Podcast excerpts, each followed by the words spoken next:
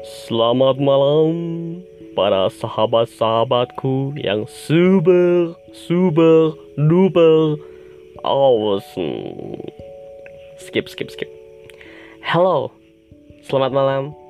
Hari ini, eh, tepatnya malam ini, tanggal 28 Desember 2019.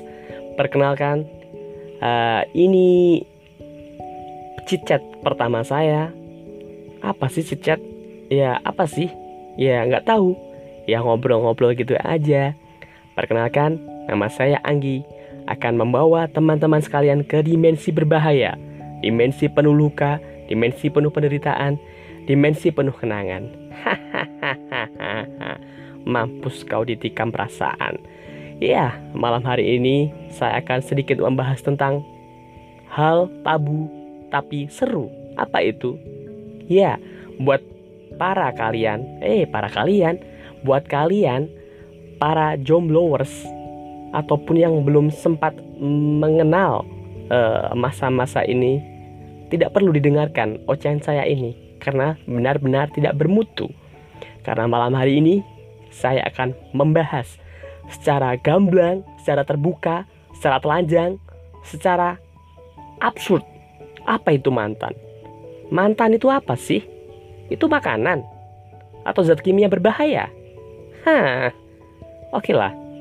E, malam hari ini saya akan menceritakan saya pribadi sebagai pelaku utama di mana saya pernah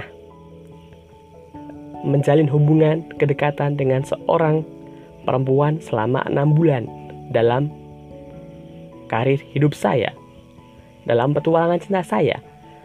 Dan dalam waktu enam bulan itu, saya 14 kali diputusin. Ada. Lu bayangin gak sih men? Diputusin 14 kali dalam 6 bulan. Salah apa gue? Salah apa saya? Mari kita cari tahu bagaimana kita menghilangkan rasa kangen terhadap mantan yang sejatinya hal-hal tersebut tidak perlu kita elu-elukan, kita dramatisir karena itu sejatinya tidak ada. Oke teman-teman, malam hari ini saya akan memandu kalian uh, menuju ruang dimensi. Dimensi yang entah ini dimensi berbahaya atau dimensi bahagia. Kenapa berbahaya? Karena kita akan kembali ke dimensi uh, ke lorong waktu yang dulu untuk sedikit mengenang mantan uh, dan kembali ke dimensi sekarang untuk masa depan yang lebih baik.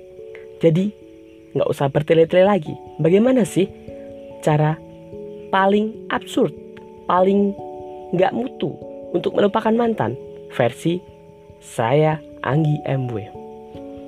Yang pertama, cara melupakan mantan.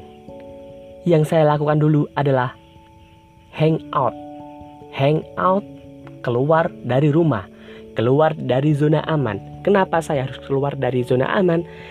Karena di dalam kamar, saya masih selalu teringat-ingat tentang mantan saya yang kurang ajar itu. Kenapa kurang ajar? Karena dia tidak mempunyai etika dalam menjalin sebuah komitmen. Bayangin aja, 6 bulan pacaran itu waktu terlama masa pacaran saya seumur hidup. Sejak saya usia uh, balita mungkin sampai sekarang saya 29 tahun. Ya, hangout bersama teman-teman, mencari makan, nonton film, menghadiri acara musik, konser seperti itu. Itu sungguh membuat saya sedikit lupa mantan. Tapi kembali lagi, kalau saya sudah sampai kamar, saya ingat mantan lagi, yaitu namanya kurang ajar. Ya mungkin itu tips yang nggak mutu, tapi ya inilah kehidupan saya dalam melupakan mantan. Yang kedua, adalah curhat.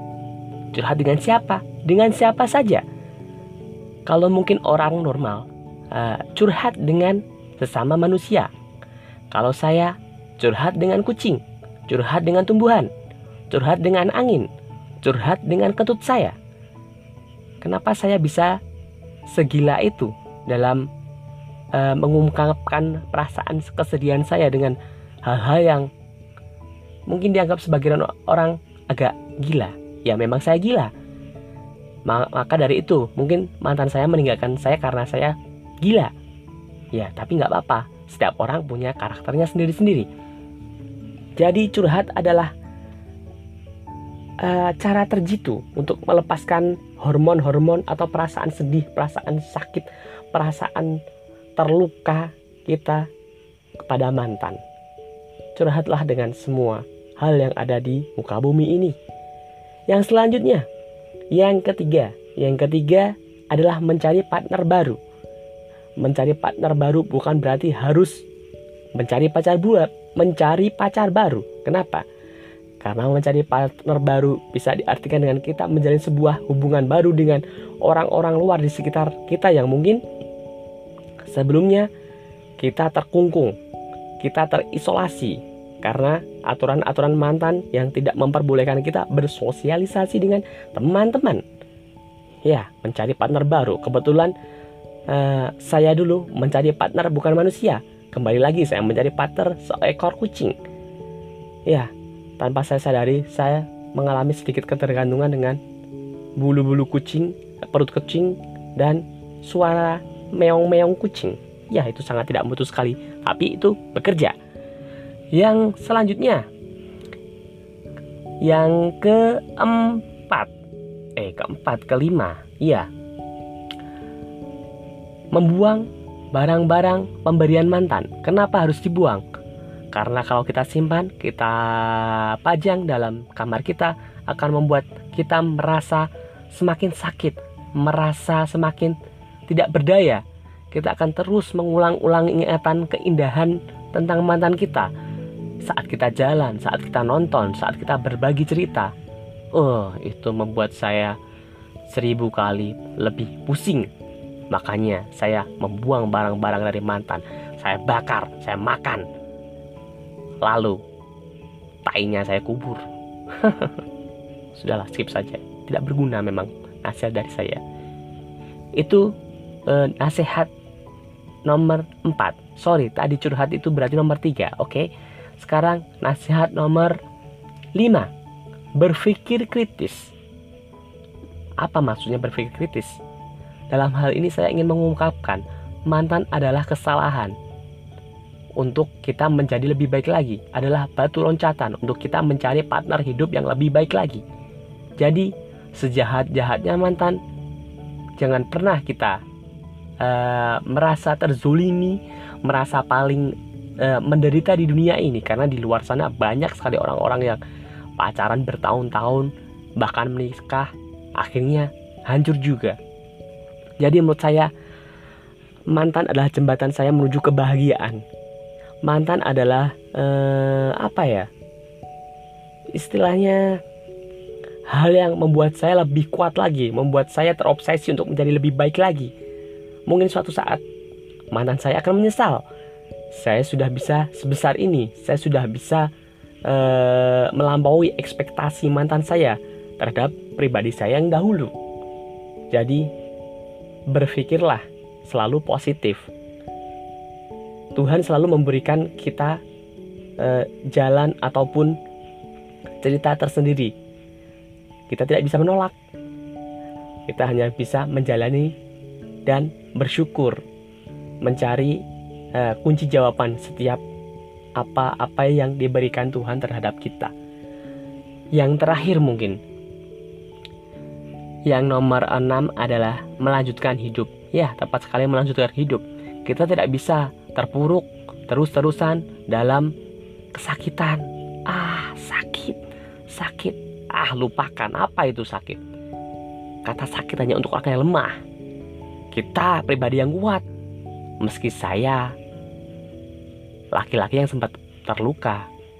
Makanya, kita harus tetap optimis memandang ke depan, melanjutkan hidup, uh, memulai lembar baru, membuat mimpi-mimpi kita menjadi nyata, dan selalu uh, menjadi diri sendiri. Salah satu catatan saya yang paling penting saat saya bersama mantan saya, saya berubah menjadi orang yang mungkin gak saya kenal.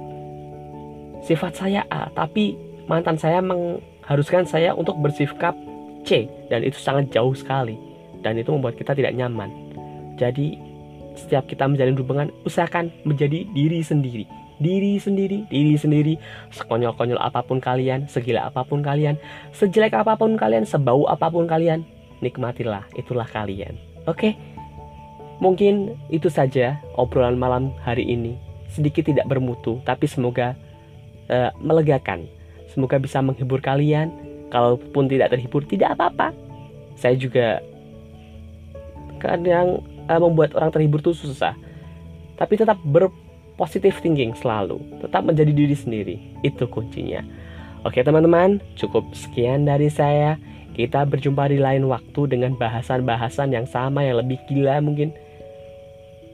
Tetap ingat, luka adalah luka. Tapi cinta tetap cinta. Itu kata-kata yang tidak bermakna sepertinya. Oke, cukup sekian saja dari saya.